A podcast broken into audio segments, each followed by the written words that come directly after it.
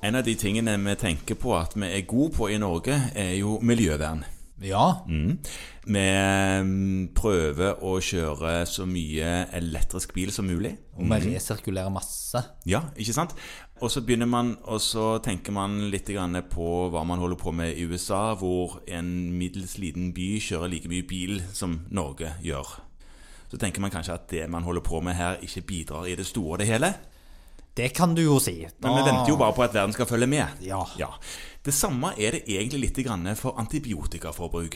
Der er vi ganske gode. Vi er ganske gode, og så lurer man på eh, hva man holder på med når man ser at man i eh, land som Spania gir mer breispektra, heftig antibiotika til kyr enn man gjør på norske sykehus generelt. Ja, men spansk biff vet vi jo at der er det mye rart i.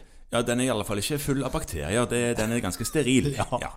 Så da er det jo kanskje litt å sparke inn vidåpne dører her og formane til fornuftig bruk av eh, heftige antibiotiske midler til relativt banale infeksjoner. Ja, det kan du godt si, men vi ser allikevel at en del av disse heftige antibiotikaene blir brukt. Ja.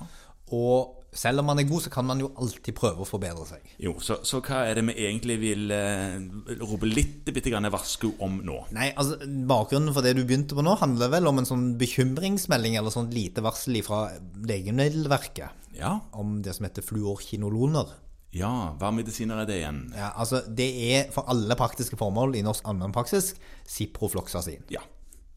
Eh, som er et antibiotikum som funker mot mye. Mot ganske mye, ja. Ja, Den brukes mot luftveisinfeksjoner, bløtveisinfeksjoner og u- urinveisinfeksjoner og alt mulig. Ja. Men det er tidligere flere ganger advart mot at det er befengt med masse bivirkninger og potensiell resistensutvikling. Og nå kom det et varsel på at det kan bidra til hjerteklaffsykdommer. Hjerteklaff, men det be- behandl- man bruker jo dette noen ganger i behandling av hjerteklaffsykdommer.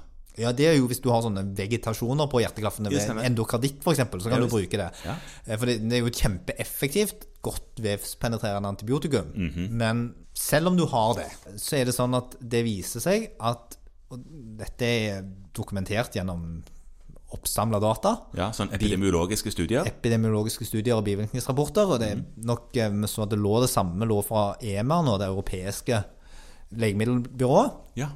den samme varselen, så ser vi at hvis du står i risiko for å få eh, hjerteklaffsykdom, så skal man være ekstra forsiktig og heller bruke noe annet ved det de som kaller for milde til moderate infeksjoner.